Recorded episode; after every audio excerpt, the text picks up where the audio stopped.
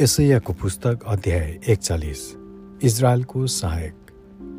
हे टापु हो मेरो सामुन्ने चुपचाप बस। जाति जातिले नयाँ बल प्राप्त गरून् तिनीहरू नजिक आउन् र बोलुन् हामी एकसाथ न्यायालयमा जम्मा हौँ। उहाँको सेवा गर्न धार्मिकतामा बोलाउँदै कसले पूर्व दिशाबाट एकजनालाई उत्तेजित गरेको छ? उहाँले जाति जातिहरूलाई तिनको अधीनमा पारिदिनुहुन्छ।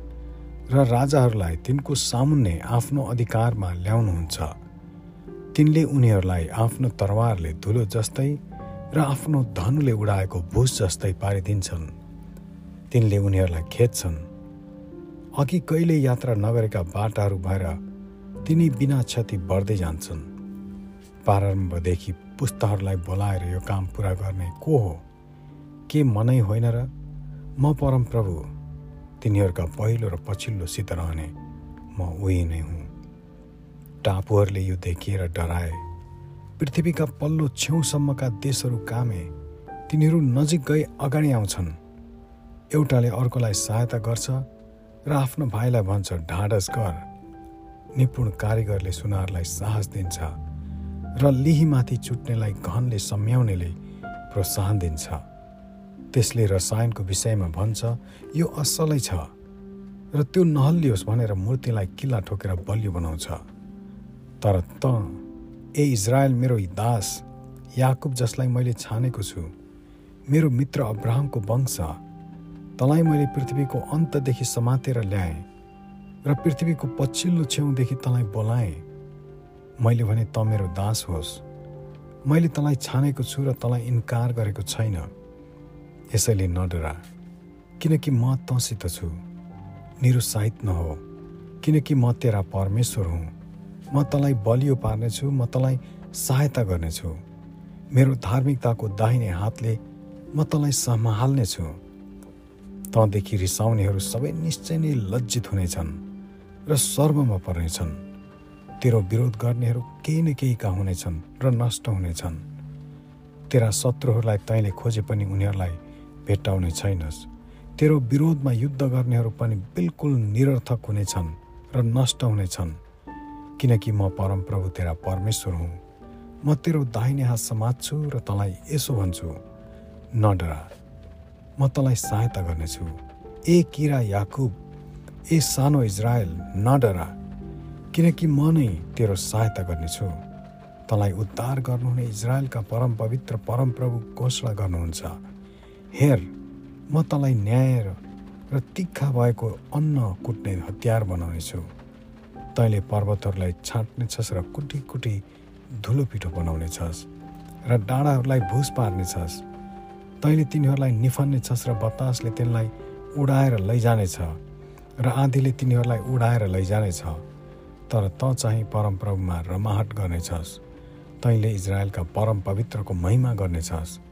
गरिब र दरिद्रहरूले पानी खोज्छन् तर केही पनि हुँदैन। तिनीहरूको जीव र प्यासले सुक्नेछ तर म परमप्रभुले तिनीहरूलाई जवाफ दिनेछु। म इजरायलका परमेश्वरले तिनीहरूलाई त्याग्ने छैन। नाङ्गो टाकुराहरूबाट म नदीहरू बगाउनेछु र बेसीमा पानीका मूलहरू निकाल्नेछु। म मरुभूमिलाई पानीको दह र सुक्खा जमिनलाई पानीमा मूलमा परिवर्तन गर्नेछु। मरुभूमिमा म देवदारूहरू र बबुल असारे फुल र जैतुनका रुखहरू उमार्नेछु। म रुखो जमिनमा सल्लाहहरू र धुप्पीका रुखहरू एकसाथ उमार्नेछु ताकि मानिसहरूले देखेर जानुन् र विचार गरून् र पुरा रीतिले बुझुन् कि यो परमप्रभुका हातको काम हो अर्थात् इजरायलका परम पवित्रले गर्नुभएको हो। परमप्रभु र अन्य जातिहरूका देवताको भिन्नता आफ्नो मुद्दा मामिला पेश गर परमप्रभु भन्नुहुन्छ। आफ्नो तर्क ल्याऊ याकुबका महाराजा धिराज भन्नुहुन्छ जे हुन आउनेछ सो बताइदिन तिमीहरूका मूर्तिहरू ल्याऊ यसरी भइसकेका कुरा हामीलाई बताइदियो र हामी तिनको विचार गरौँ र तिनको आखिरी नतिजा के हुन्छ भनी हामी जान्न सकौँ अथवा हुन आउने कुरा हामीलाई बताइदियो। अब आउने कुराहरू हामीलाई प्रकट गर र तिमीहरू ईश्वर हो भनी हामी जान्न सकौँला। असल वा खराब केही गर। कि हामी हरेस खाउँ अनि डरमा पसौँ? तर तिमीहरू त कामै नलाग्ने हौ। र तिमीहरूका काम बिल्कुलै व्यर्थका छन्। जसले तिमीहरूलाई चुन्छ त्यो घृणित हुन्छ। मैले कसैलाई उत्तर दिशातिरदेखि उक्साएको छु र तिनी आउँछन्। सूर्य उदय हुने दिशाबाट आएर तिनले मेरो नाउँ लिन्छन्। तिनले हिलोलाई कुल्चे झैँ शासकहरूलाई कुल्चनेछन्। कुमालेले माटो कुल्चे झैँ। सुरुदेखि कसले यो प्रकट गरेको छ र हामीले जान्न सक्थ्यौँ? अथवा अघिदेखि कसले यो प्रकट गर्यो र उहाँ ठिकै हुनुहुन्थ्यो भने हामी भन्न सक्थ्यौँ। यो कुरा कसैले हामीलाई बताएन। पहिले कसैले एक वचन पनि भनेन। तिमीहरूका वचन सुन्ने कोही थिएन। सियोनलाई हेर।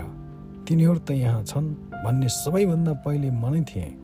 एरुसलेमलाई सुसमाचार दिन एकजना समाचार बाहक पठाउने मनै थिएँ। म खोज्छु तर त्यहाँ कोही पनि छैन। सल्लाह दिनका लागि तिनीहरूका बिचमा कोही पनि छैन। तिनीहरूलाई सोद्धा कसैले जवाफ दिँदैन। हेर ती सबै झुटा हुन्।